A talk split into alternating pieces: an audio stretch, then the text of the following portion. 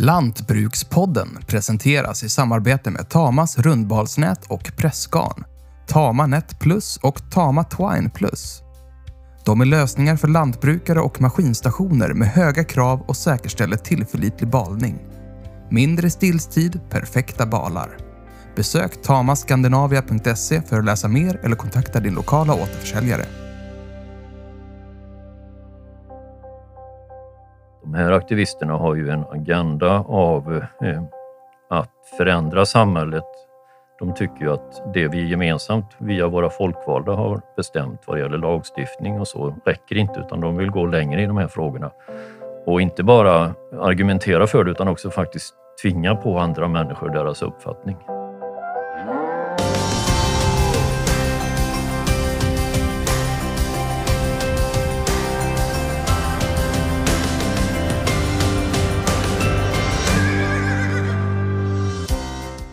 Torka, skogsbränder och djurrättsaktivism har LRFs förbundsordförande Palle Borgström gjort sig känd även utanför lantbrukarkretsar. Men vem är egentligen människan bakom ordföranderollen? Nu får du höra honom i en stor intervju. Välkommen Palle Borgström, LRFs förbundsordförande. Vi sitter här nu i Gröna näringslivets hus och jag heter Lena Johansson och är politisk chefredaktör för Land Lantbruk och Land Skogsbruk. Och jag heter Anna Nilsson och jag är chefredaktör för Land Lantbruk med Skogsbruk. Och, eh, ska säga också att vi eh, gör den här intervjun i vår poddstudio på redaktionen och vi gör det med munskydd på. Så ifall eh, det låter lite otydligt så kan det bero på det, men det är ju en, en pågående pandemi så vi eh, vill ha, vara så smittsäkra som möjligt och vi ska prata så tydligt vi bara kan. Nu sitter vi som sagt var här i Gröna näringslivets hus, LRFs huvudkontor i Stockholm. Och det här har ju blivit lite grann av ditt andra hem. Men den senaste tiden har du kanske inte varit här så mycket? Nej, vi flyttade ju in här i somras och eh, jag var här en del i september, oktober. Sen har jag inte varit här på några månader nu. Det var faktiskt så när jag kom igår att jag fick fundera på vilket våningsplan är det nu jag har mitt kontor på. Så att det, det säger väl en del om att det är andra tider nu, att vi jobbar hemma istället för på plats. Hur, hur känns den här nya situationen? Om man tittar på LRFs arbete så tycker jag att vi på ett fantastiskt sätt ställde om i princip från en dag till nästa i våras, mitt i perioden när vi hade våra regionstämmor, till att jobba digitalt. Och vi var lite tur skulle jag säga, väl förberedda rent eh, tekniskt sett med att vi hade bytt eh, hela vårt eh, interna system till, till ett som är förberett för att jobba digitalt och på distans. Sen var vi många, inklusive jag själv, som tror jag behövde en liten knuff för att komma över i, ett digitalt arbetssätt, men det gick väldigt fort. Och många andra pratar ju om att man har ställt om till digitalt. Jag skulle säga att vi både har ställt om men också växlat upp. För det jobbet vi gjorde framförallt i slutet på förra året i november-december var ju högre tryck i vårt påverkansarbete än vad jag tror nästan vi någonsin har haft i LRF. Så att, så att det fungerar väldigt bra skulle jag säga att jobba digitalt. Men det är klart att vi tappar en del saker i, i både den dagliga kontakten mellan medarbetare. Det kan vi till viss del lösa med att ha en del digitala möten där vi inte har så fast agenda och det har vi också med förtroendevalda där vi prövar oss fram. Men det är klart att vi tappar en del i, i den här kontakten med medlemmar där, där mycket av i det pågående samtalet där det kommer fram en hel del idéer och, och, tankar och sånt som vi behöver ha fokus på hur vi fångar upp när vi jobbar mer digitalt. Men jag är helt övertygad om att vi kommer att ta vara på en hel del av det vi lär oss nu när vi går tillbaka till, inte det normala, men det nya normala som kommer efter pandemin. Jag tänkte just på det, Palle, hur, man kan ju säga att eh, många har blivit tvångsdigitala under den här perioden. Hur, hur ska ni nyttja det framåt? Jag är helt övertygad om att vi lär oss väldigt mycket nu som vi kommer att ha nytta av i, i framtiden. Det är ju så att att vara digital är ungefär som att lära sig att cykla. Att, eh, först så kan man inte och sen måste man tänka på för att verkligen klara av att cykla och sen när man har lärt sig det så går det av sig själv. Och jag tror att vi vi lär oss en hel del nu som, där det helt enkelt kommer gå av sig själv och det kommer upplevas som väldigt naturligt att, att jobba digitalt. Så. Inte minst nu när ni står inför eh, den andra då, ronden av digitala stämmor. Ja, det kommer vi att ha under 2021 också digitalt. Och, och där skulle jag säga att det fungerade fantastiskt bra. Jag, just vad det gäller stämman och behandling av motioner och så, så, så både upplevde jag det som vi fick tillbaka i utvärderingen, så att man upplevde nästan att medlemsdemokratin och diskussionslusten var ännu större. Och, och, trots att vi satt på flera platser runt om i Sverige så lyckades vi knyta ihop det på ett sätt så att det faktiskt kändes som att man var på samma stämma och eh, nästan i samma lokal också. Så att vi, vi har tänkt ganska mycket nytt och lärt oss väldigt mycket men vi har utvecklat ett sätt att arbeta på som vi kommer att ha väldigt mycket nytta av i framtiden. Men det ersätter inte fullt ut de här mänskliga mötena och, och det som uppstår i idéer och, och samtal mellan människor. Du har ju tack vare den här tekniken kunnat jobba ganska mycket hemifrån ditt Kilanda säteri. Är det en gård som du är född och uppvuxen på? Nej, jag är inte född där. Eh, om man tar den korta versionen så min pappa började som lantbrukare när han var färdig med sin militärtjänst. Han hade i sin tur en farfar som var hästskötare och hade mycket kontakt med honom så att han valde en gång i tiden eh, då mellan att eh, starta som lantbrukare eller starta ridskola. Och det blev lantbrukare. Detta var i, i första halvan av 50-talet och då kunde man ju faktiskt som ung starta med två tomma händer och, och arrendera en gård och, och, med hjälp av mycket arbete bygga upp det där. Och han flyttade under sin tid som lantbrukare tre gånger som arrendator och startade upp på nya gårdar. Sista gången hamnade han, eller, eller valde att hamna på Kilanda där vi bor idag, som då var ett domänverksarrende. Men som vi blev erbjudna att köpa eh, 93-94 när, när vi fick en borgerlig regering och man sålde ut en, en stor del av Domänverkets jordegendomar men behöll skogen. Då köpte vi den fastigheten och sen har vi utvecklat det där så att eh, när det har funnits tillfällen har vi köpt till areal så att vi har mer än dubblat både jord och skogsarealen sedan dess. Så det har varit en ständig utveckling. Men det är inte min jag är inte född där, men jag har ju, är uppvuxen på lantbruk i olika former. Det är inte en släktgård? Inte, inte i våran släkt. Sen finns det en intressant historia i en annan släkt som ägde den under många år och utvecklade den fastigheten på ett fantastiskt sätt som gör att det, det finns en intressant miljö där idag med en gammal allé och det huset jag byggt, i, eller som jag bor i, är byggt på 1770-talet. Så det finns mycket historik även om den inte är just i våran familj. Jag har en till fråga om Kilanda. Jag läste någonstans att Jonas Alströmer hade bott där. Är det han med potatisen? Ja, det är det. Han, eh, nu är vi tillbaka i mitten på slutet på 1700-talet. Eh, och det var faktiskt han eller hans son som planterade allén och byggde det huset som jag bor i hemma. Han, eh, han var ju en av dem runt Göteborg som tjänade mycket pengar som Ostindiefarare. Och alla de här eh, Alltså mycket av det som finns i Göteborg, Sahlgrenska sjukhuset och Karlanderska sjukhuset och Chalmers är ju egentligen byggt utifrån den här perioden och eh, duktiga entreprenörer som gjorde sig en förmögenhet och sedan investerade det i saker som är bra för samhället. Eh, han ägde under en period eh, eh Kilanda och flyttade faktiskt gårdcentra till där det ligger idag och som sagt planterade allén som också då är från 1770-talet och byggde mangårdsbyggnader. Eh, sen tog hans son över och sen eh, Eh, de ägde det inte jättelänge, sen såldes det till en familj som heter Ekman som också är, är, är, har sin bas i Göteborg som eh, ägde det under 150 år och utvecklade det eh, väldigt mycket till att det, under en period i början på 1900-talet var det lantbruksskola till exempel och, och de investerade i ett ganska stort skogsinnehav så de hade 2 500-3 000 hektar skog när det 1958 såldes till Domänverket på grund av att intresset i den familjen dog ut för att driva det vidare. Kan du eh, fortsätta ta oss dit? Hur ser det ut? Och eh, om du beskriver lite grann om produktionen. Det är ju en, en väldigt utpräglad mellanbygd skulle jag säga. Den ligger ganska nära Göteborg, fyra mil från Göteborg. Den bygden har alltid varit påverkad av, och inte minst nu, av att det är pendlingsavstånd in till, till Göteborg. Så väldigt många av de som bor runt omkring jobbar inne i stan, många jobbar på Volvo. Men eh, det finns en gammal eh, historik. Eh, den kommunen jag bor i heter Ale kommun och alla de här landshövdingehusen och alla trähus inne i Göteborg är till stor del byggda av någonting som man kallade för alesnickare som var småbönder som jobbade inne i Göteborg under veckorna och, och, och där, där ofta då mannen jobbade som snickare. Och där frun skötte ett litet jordbruk hemma under veckorna och sen tog man gemensamt hand om det på helgerna.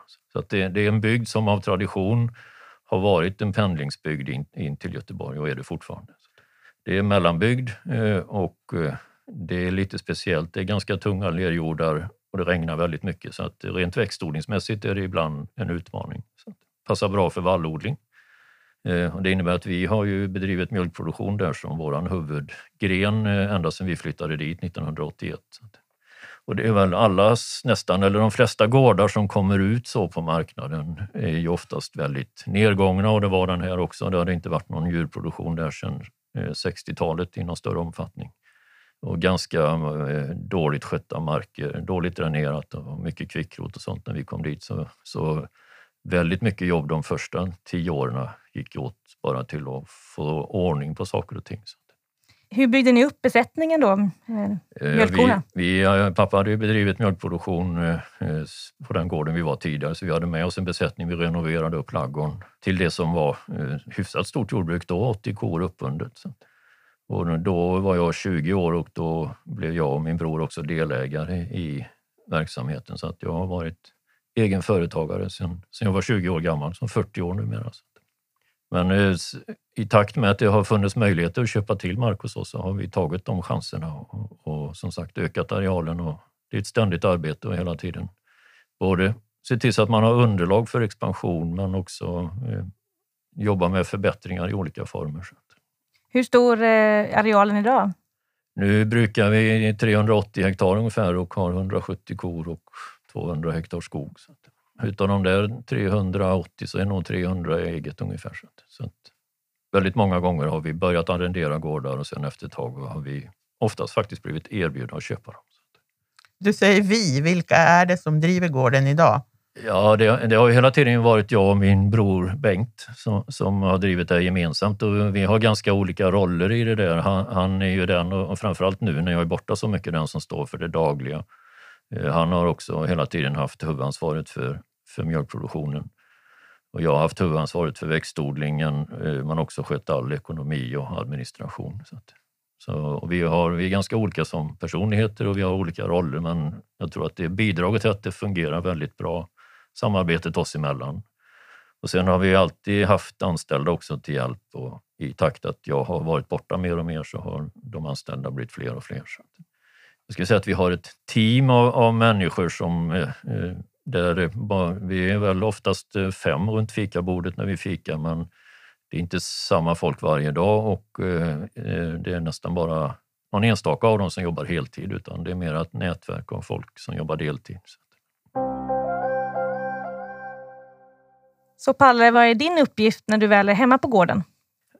Dels så, så ansvarar jag för ekonomi och administration och, och sköter mycket av det på kvällar och helger. Men, men eh, jag har framförallt, jag går en del eh, helgturer i ladugården. Men eh, framförallt under växtodlingssäsongen gör jag en, en hel del av växtodlingsarbetet. Det är fortfarande jag som kör de allra, allra flesta växtskyddsbehandlingar till exempel.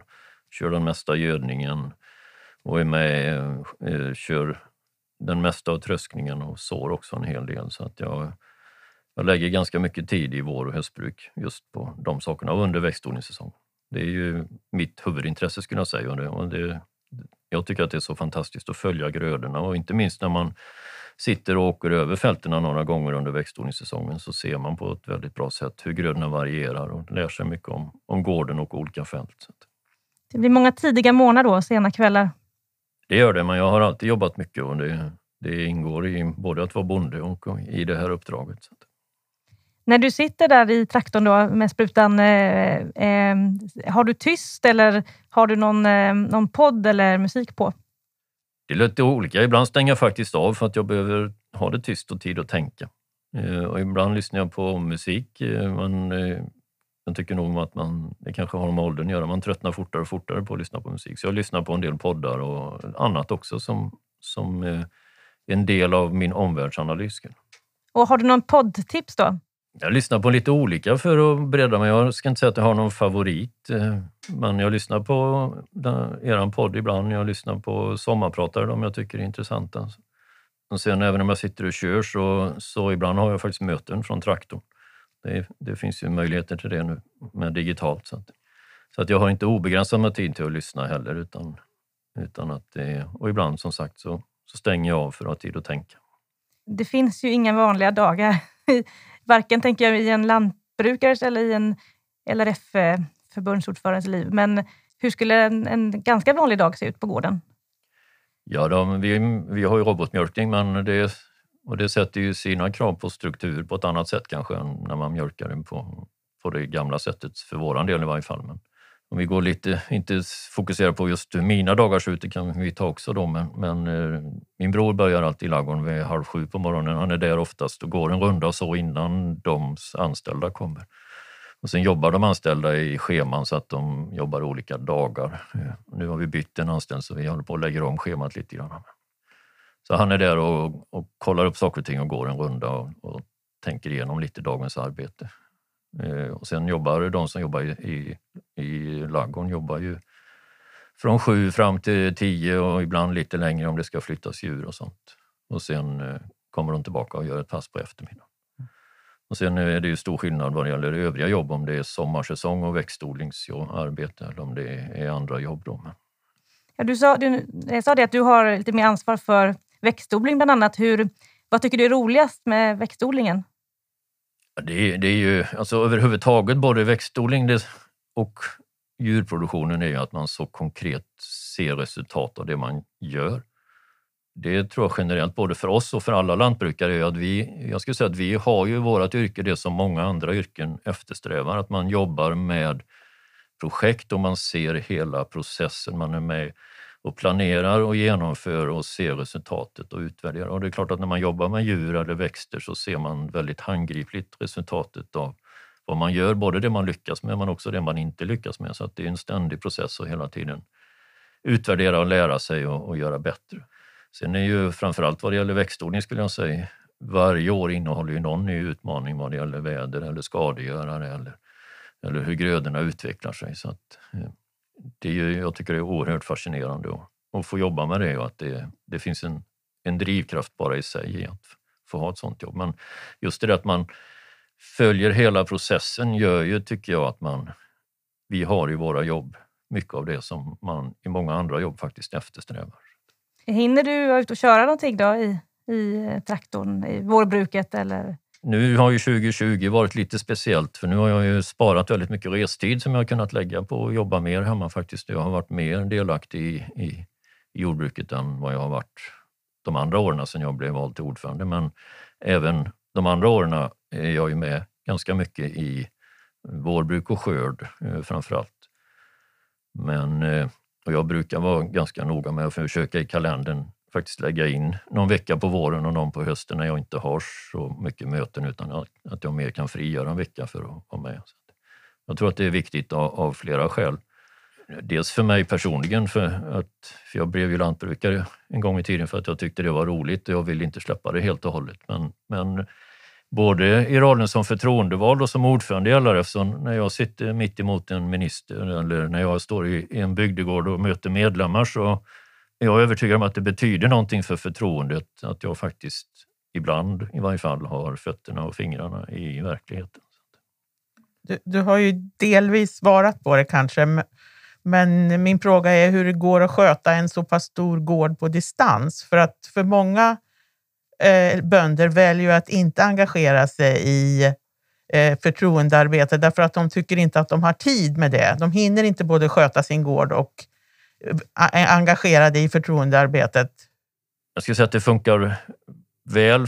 Jag går ju, även nu dagar när jag sitter i möten hemma, så går jag oftast ut en runda i ladugården nu på vintern.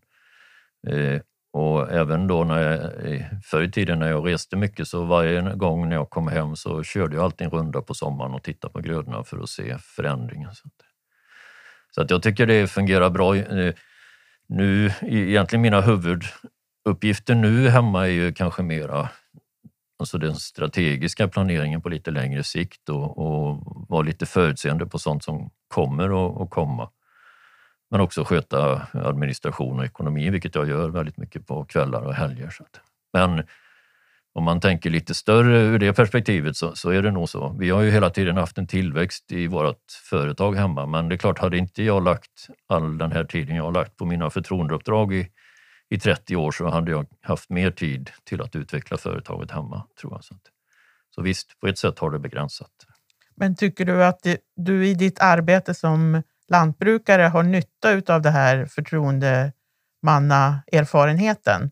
Berikar ja. de varandra? De här? Ja, det gör de ju på, på flera sätt. Dels så det är klart att och det är ju hela drivkraften till att åta sig ett förtroendeuppdrag, att man kan vara med och påverka i frågor som man tycker är viktiga. Men en bieffekt av det där är ju att man får ett otroligt stort nätverk och, och mycket intryck i, i, alla de samtal jag har med andra jag träffar. Och där får jag mycket idéer och, och som jag kan ta med hem och, och tillämpa hemma så, och utvärdera i den mån de är tillämpbara eller inte. Så, att, så det betyder ganska mycket, den, inte minst nätverkandet, men att det, det är också en kunskapsbreddning att träffa mycket människor. Du nämnde också skogen. Eh, hur är ditt engagemang i, i den egna skogen? Ja, vi har skött den där skogen ganska väl. Eh, det var ju en hel del var ju Domänverkets skog och den, Domänverket var väl kända för att inte spara på mogen skog. Så att, eh, men vi har gallrat en del och, och efterhand har det också då kommit fram avverkningsbar skog. Så nu skulle jag säga att vi, min bror är några år äldre än mig så vi står ju i en fas för ett generationsskifte. Så nu är väl tanken med skogen att spara det som finns avverkningsbart där inför generationsskiftet så att det kan vara en del av att lösa ut de knutar som är i den ekvationen. Vem eller vilka ska ta över? Ja, det är, vi, min bror har två eh, barn, två söner och där är den ena eh, väldigt intresserad och hans fru Mattias heter han och hans fru Tina också. Och de jobbar hemma på gården idag och driver också ett eget företag eh, parallellt med att de jobbar hos oss eh, där de har eh, framförallt nu. Och de har byggt upp en nötköttsproduktion med att de har byggt ett stall för dikor och sen har de arrenderat mark hos grannar, igenvuxen betesmark som de har röjt upp och stängslat in och har, bygger upp en verksamhet där. Eh, men de, de är ju de som signalerar att de vill eh, ta över eh, och är intresserade och driva det vidare. Så jag och Anette har två barn också. De Oskar är utbildad arkitekt och jobbar i London och Johanna är utbildad inom ekonomi och jobbar här i Stockholm. Så de, de är väldigt måna om Kilanda och gården och så men de är inte, i varje fall inte i dagsläget intresserade av att driva den framåt. Men vi har ju min brorson och hans fru som är väldigt engagerade och duktiga. Jag tänkte att vi backar bandet till eh, din, när du eh, när du själv var eh, lite yngre och du utbildade till, till lantmästare på 80-talet. Ja, det stämmer. Jag är lite nyfiken. Du brukar ju vara väldigt så här finurliga kårnamn. Vad har du för något i kårnamn? Ja, jag vet inte. Jag, jo, jag vet det. Men jag vet inte riktigt varför jag fick det. Jag heter Slapp i kårnamn. Vad sa du? Jag heter Slapp. Och vad var motiveringen? Ja, jag, jag, vet faktiskt inte riktigt varför. Jag, det var någon, eh, ibland är de ganska långsökta. De där, ja. hur, var, hur var det att gå på Alnarp? Det var ett, eh, på den tiden var det ettårigt. Det var ett väldigt intensivt år. Eh, fantastiska nätverk och kamratskap där. Men en hel del lärande också, men det är alltid svårt när man går en utbildning och, och sätta fingret på vad lärde jag mig just där och vad jag har lärt mig tidigare och sånt. Men in, inte minst nätverkandet och kamratskapen var ju viktigt. Du har också jobbat utomlands. Var det före eller efter lantmästarutbildningen? Det var ett par år eh, före. Så att det, eh, det är också en... Eh, jag åkte ju jorden runt Eh, då i mitten på 80-talet. Började i Australien och jobbade sju månader på ett jordbruk där och sen åkte jag direkt till Kanada och jobbade en, en sommar där på också. På växtodlingsgårdar båda ställena. Så att, det var väl mera ett ett strategiskt val kanske för att jag Innan man åker på något sånt så försöker man bilda sig en uppfattning om vad det är och jag förstod ju ganska fort att de som jobbade på Djurgårdar de fick mjölka kor sex, sju dagar i veckan. Och sen hade man lite semester som var avtalad från början. De gårdarna jag var på, framförallt den i Australien, så, så när jag kom dit i september så började spannmålsskörden och då och körde vi väldigt intensivt nästan dygnet runt. Och sen när vi hade tröskat färdigt allting så stubbearbetade vi hela arealen en gång och då körde vi också, jag och en traktorförare där, 12 timmars skift. Eh, och sen när det var färdigt så sa han som ägde gården att nu har vi egentligen ingenting att göra här på några veckor så om du vill kan du ta ut din övertid och så får du låna min pickup och så kan du åka vart du vill. Så, jag hade utav de där sju månader jag var i Australien så reste jag runt tror jag, i två månader. Bland annat körde jag hela vägen längs Stora barriärrevet från gränsen mellan New South Wales och Queensland ända upp, faktiskt så långt som vägen slutar upp i, i norra Australien. Och sen tillbaka ner igen. Så på det viset jobba eh, mycket övertid på en växtodlingsgård och också kunna ta ut den för att resa gjorde att jag fick se mycket mer av Australien än vad jag hade gjort om jag hade varit på en, en djurgård. Hur skilde sig eh, den gården från, eh, från det du var, annars var van vid? Ja, det, det skiljer sig ganska mycket. Det är ju stora arealer, ganska så torrt. Det är ju, I det området där jag var, de som hade tillgång till bevattning där odlade bomull, vilket var en, en fantastisk cash crop. De gick det bra för de kunde gå i pension när de var 50 och, och sälja gården och flytta till Sydney och leva på Var låg gården? kapital. I ja, New South Wales, två timmar söder om gränsen till Queensland, i en liten stad som heter Narrabri. Eh, men där jag var var det spannmål och eh, eh, solrosor. Men det var intressant. Mycket lägre skördar givetvis och stora arealer. Men, men, och det lär man sig, inte minst ett, tycker jag, att de hade ett helt annat fokus på, på kommersiellt tänkande. Så de är mycket mer på en råvarumarknad än vad vi är kanske. Lite mindre regler? Det också. Det, nu pratar vi 80-talet om, men jag vet att när jag när jag skulle byta olja på traktorn så frågade han vad jag skulle ta oljan i. Så sa han, ja, men ställ dig där borta på gårdsplan bara och se till så du inte står på samma ställe som jag stod förra gången. Så kan du bara ta ur bottenpluggen. Så att det var ett helt annat, eh, på det viset, tänk. Och där, Kanada är ju mer eh, likt här kanske eh, vad det gäller naturen och så. Australien är ju helt, helt annorlunda.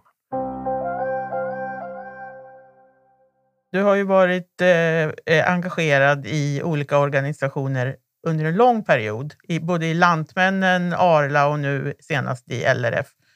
Eh, och jag undrar, är det möjligt att vara prickfri?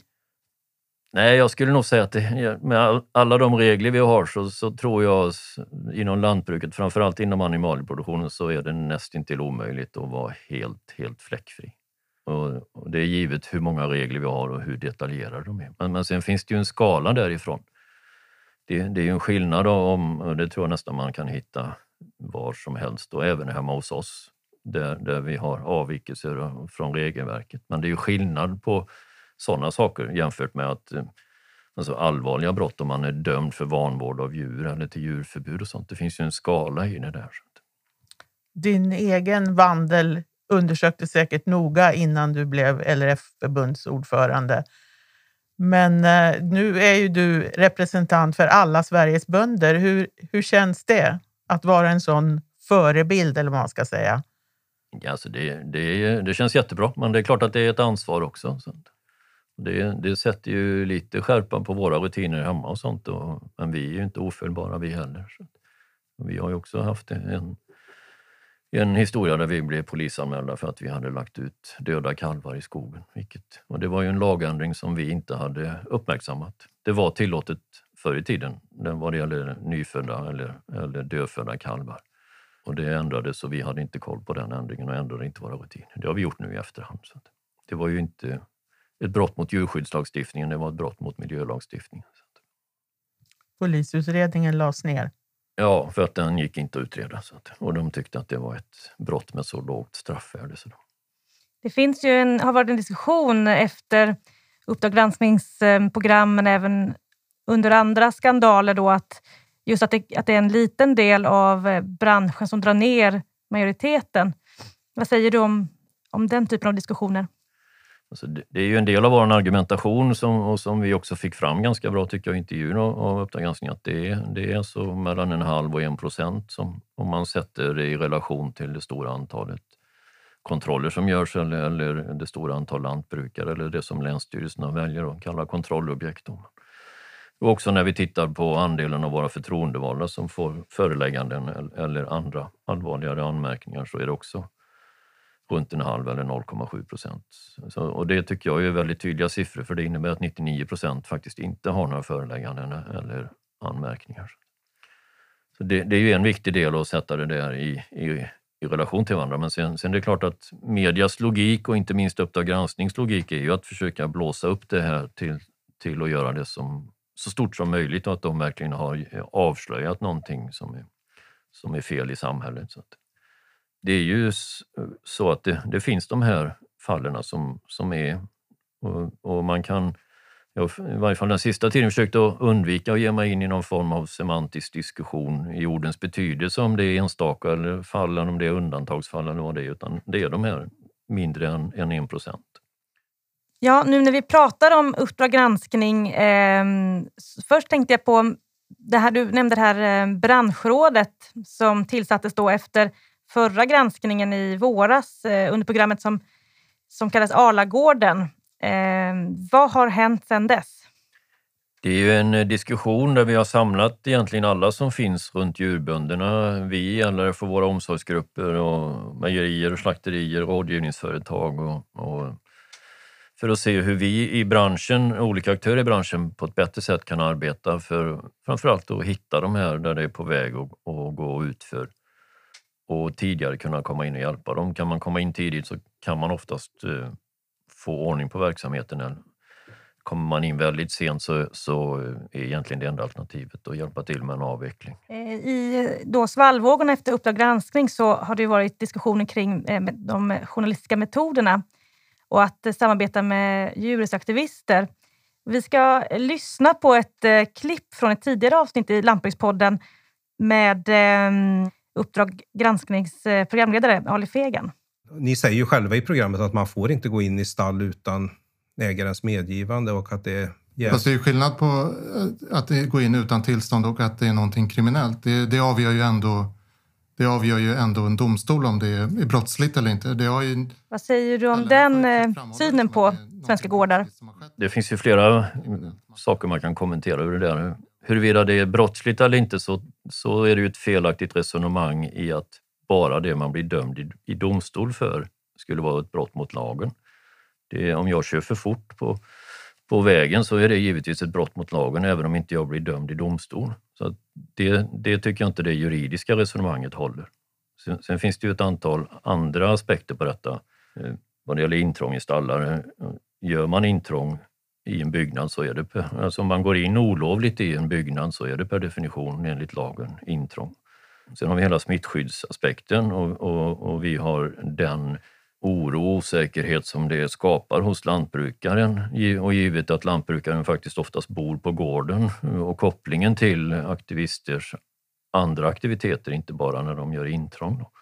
Och, så, och sen är det ju den allvarliga aspekten som, som jag tycker är den allvarligaste och mer ur en samhällssynpunkt att de här aktivisterna har ju en agenda av eh, att förändra samhället de tycker ju att det vi gemensamt via våra folkvalda har bestämt vad det gäller lagstiftning och så räcker inte utan de vill gå längre i de här frågorna.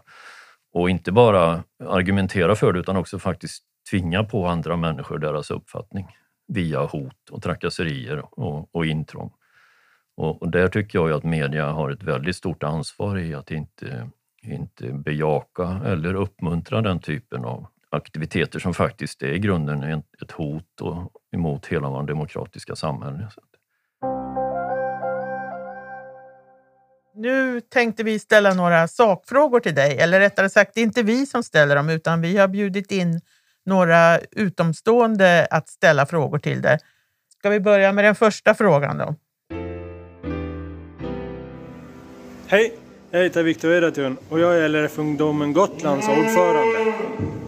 Idag jobbar jag hemma hos min mamma och pappa på en mjölkgård på södra Gotland. Jag undrar vad du skulle vilja göra för oss unga för att vi ska kunna komma in i branschen med de här höga kapitalvärdena och eh, arealkostnaderna som är idag.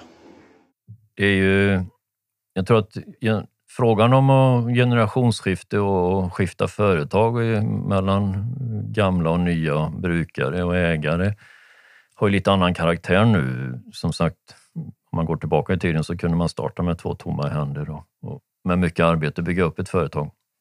Det kan man inte göra på samma sätt idag när det binder mycket mer kapital. Och det i sig ställer ju en del utmaningar på att vi behöver jobba med de här frågorna på flera olika sätt. Men det, jag ser ändå att det finns en grundförutsättning i att det finns otroligt många in, intresserade ungdomar som vill in i den här branschen och som ser en framtid i den. Det är ju ändå så att vi, naturen har ju gett oss de förutsättningarna att vi som är gamla, vi ska ändå lämna detta. Och någon gång gå, gå i pension och så småningom dö. Så att det, det, kommer, oberoende av vad vi gör eller inte, så kommer det en ny generation, är jag helt övertygad om. Men, men det gör ju inte att vi kan luta oss tillbaka och säga att det här bara löser sig, utan jag, jag tror att man, vi behöver hitta nya modeller där man stegvis kan föra över företag, inte bara från föräldrar till, till barn, utan även på andra sätt mellan olika äldre och, och övertagande, överlåtande och övertagande brukare. Skattelagstiftningen är, är ju en del i det, i, i möjligheterna för hur man kan stegvis föra över ett företag. Jag tror att det finns andra begränsningar också i det. Men det är kanske också så att de riktigt stora företagen kommer man att äga på ett annat sätt i framtiden, eh, mera gemensamt. Och, och det kommer inte att föras bara från en person till nästa enskilda person utan att en del av dem där tror jag, och man, det ser jag redan att man på en del håll gör, att man, man driver det som aktiebolag och man kan överlåta ägandet stegvis till exempel. Vi har en till eh, fråga Ja, en annan fråga som har diskuterats under hösten är ju det här med beteslagstiftningen. Sen LRF eh, fattade beslut om att man ska verka för en eh, avskaffande av beteskravet för mjölkkor så har ju det kommit upp till diskussion. Och vi har bett eh, skribenten och författaren Ann-Helén Meijer från Bremen ställa en fråga om det till dig. Hej Palle! Jag har en fråga när det gäller kornas betesrätt. Som jag ser det är det den absolut starkaste symbolen för den goda djuromsorgen inom svenskt lantbruk. Och jag undrar lite grann nu när ni vill försämra den, varför ska jag då fortsätta köpa svensk mjölk? Vi vill ju för det första inte ta bort beteslagstiftningen, vi vill göra den mer flexibel. Sen är ju det här en fråga som den är komplicerad utifrån flera olika aspekter. Men eh, den är inte minst komplicerad på grund av att eh, konsumenten och allmänhetens bild och, politiker skulle jag säga är, är, ganska starkt förenklad av att eh, det är bra för kor att vara på bete, det är dåligt för kor att vara inomhus. Men ganska, när man jobbar med djur och med mjölkkor och ganska många mjölkproducenter ser ju och vet att det där är mycket mer komplicerat än så. Och det finns många mer faktorer som bygger en god djuromsorg. Och det tror jag är en av utmaningarna för oss, att vi måste kommunicera det, att det är inte så enkelt som att kor på bete alltid är bra och kor inomhus alltid är sämre eh, alternativ.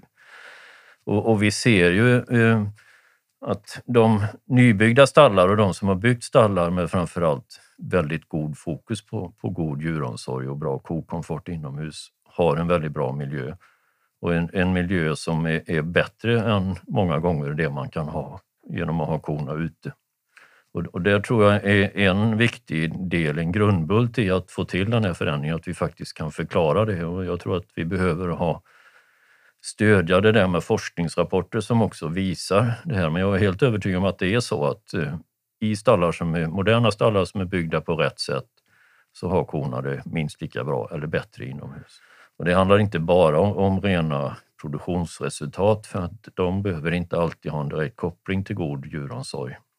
Men i övrigt också med stor yta och, och, och frisk luft och, och, breda gångar där kor inte behöver trängas på samma utsträckning som man gör i gamla trånga stallar till exempel. Beteslagen i sig kom ju till och tycker jag är väldigt mycket utformad utifrån eh, det man kan ana ett tankesätt om att man genom att garantera korna utevistelse på sommaren skulle kompensera för att de stod Eh, eh, fastbundna många gånger som det var när lagen kom till eh, en stor del av, av resten av året. Då. Men fokuset, framförallt hos de som bygger nya stallar idag, är ju att korna ska ha det bra 365 dagar om året och inte bara bra på sommaren. Och, sen, och beteslagen är jag helt övertygad om gör att vi vi eh, saktar ner investeringstakten i svensk mjölkproduktion.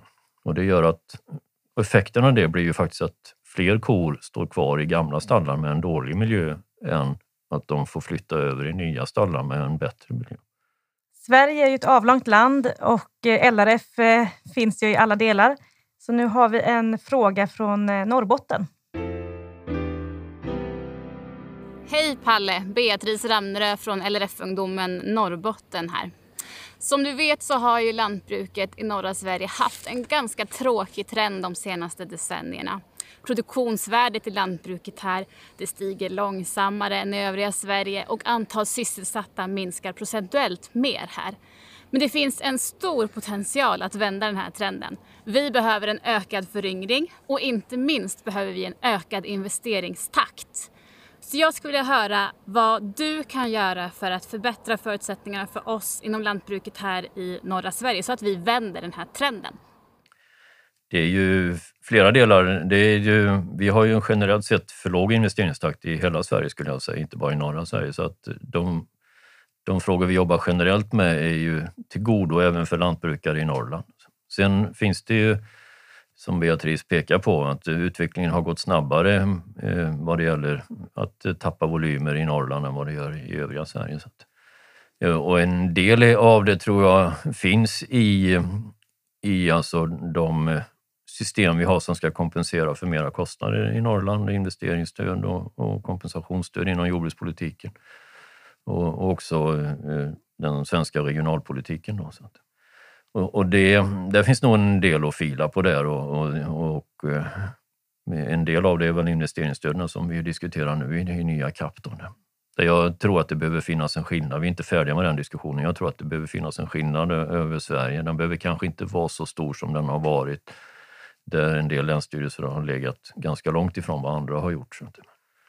Så att det, men sen, sen tror jag att det där det finns något grundläggande i det där också, att det, det bekräftar lite den känslan vi har av att eh, ska man få unga intresserade av den här branschen och så, så måste det finnas en, en sund och, och, grundläggande efterfrågan på det man producerar och en sund och grundläggande ekonomi i det man gör. Man, man kan aldrig fullt ut kompensera det med statliga stöd om man ska få ungdomar till att och intressera sig för en bransch. Det, det, kan hålla liv i den produktionen som finns och få de som finns i det att fortsätta. Men jag tror att ungdomar söker något annat när man väljer vilka branscher man ska söka sig till. Min bild är ju ändå att den norrländska marknaden för livsmedel har lite levt i sin egen logik ett tag. Att det har funnits en ganska stor eh, preferens i Norrland för norrländska produkter och konsumenterna väljer det och eh, betalar för det. Men, men även där tror jag att vi ser en en ökad konkurrens för, från eh, handelns egna varumärken och lågprisaktörer som, som eh, också etablerar sig i Norrland. Och att det lite grann urvattnar den här regionala preferensen för Norrland som har varit väldigt stark hos konsumenterna. Där. Sen, sen, eh, utan att jag är någon expert på norrländskt lantbruk så, så i min värld så finns det stora möjligheter där. Det, det finns arealer som, som man kan få tillgång till till låg kostnad. Och vi ser ju ett annat exempel på unga lantbrukare som flyttar söderifrån till Norrland faktiskt och etablerar sig för att de bedömer att förutsättningarna är bättre där. Sen LRF bildades 1971 så har ju fler och fler kvinnor engagerat sig i organisationen. Och idag finns det ganska mycket kvinnor, både som äger gårdar och som är förtroendevalda inom LRF. Men ändå kanske det finns en del att göra åt jämställdheten. Vi har bett Cassandra Bjälkelöv ställa en fråga om det till dig. Hej Palle, Cassandra heter jag. Jag undrar vad jämställdhet är för dig och varför behövs det jämställdhet i de gröna näringarna?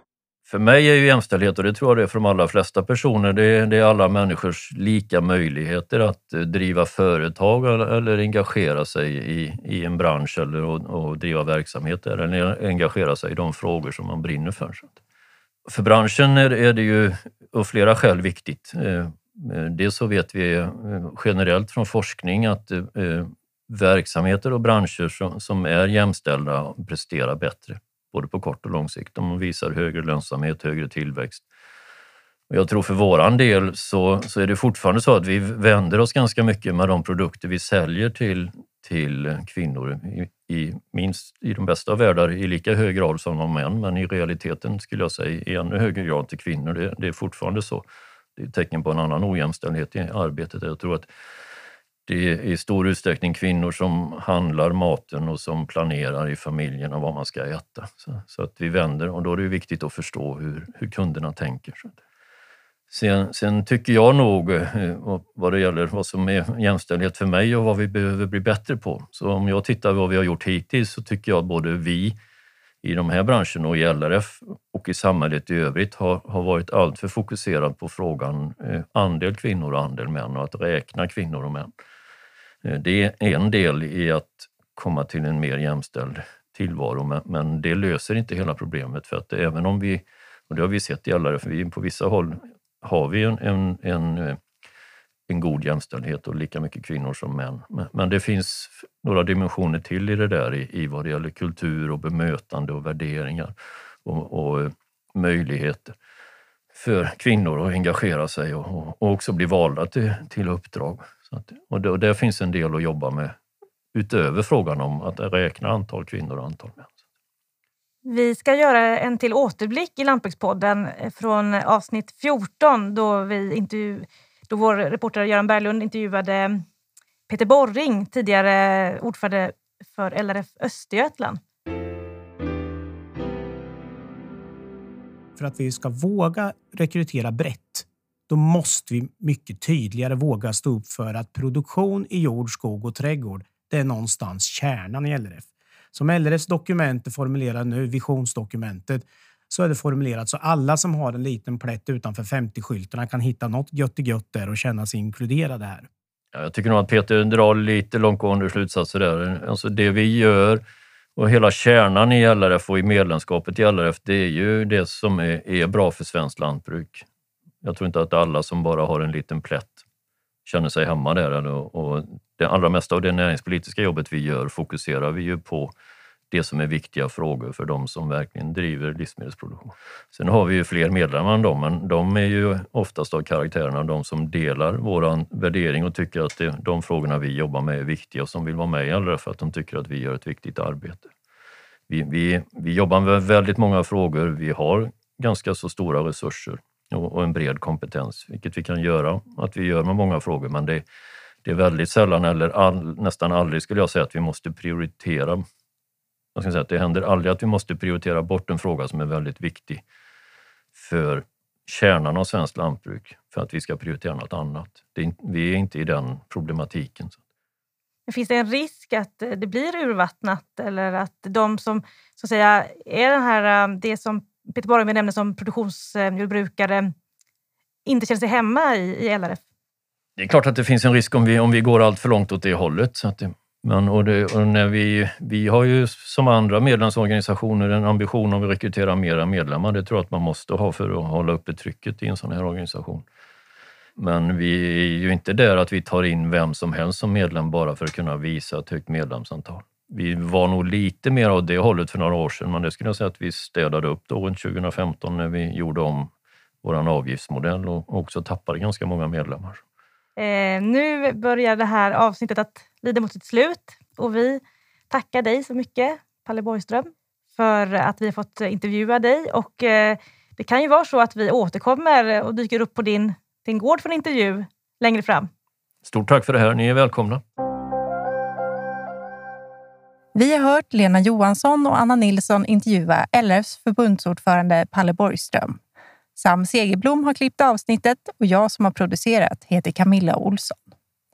Vill ni komma i kontakt med oss så går det bra att mejla synpunkter och förslag till Lantbrukspodden snabela landlantbruk.se. Lantbrukspodden görs av Land Lantbruks redaktion som är en del av LRF Media. Om du lyssnar via en poddspelare så prenumerera gärna och lämna omdöme. Lantbrukspodden presenteras i samarbete med Tamas rundbalsnät och pressgarn, Tama Net Plus och Tama Twine Plus.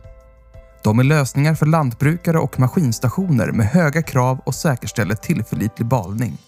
Mindre stillstid, perfekta balar. Besök tamaskandinavia.se för att läsa mer eller kontakta din lokala återförsäljare.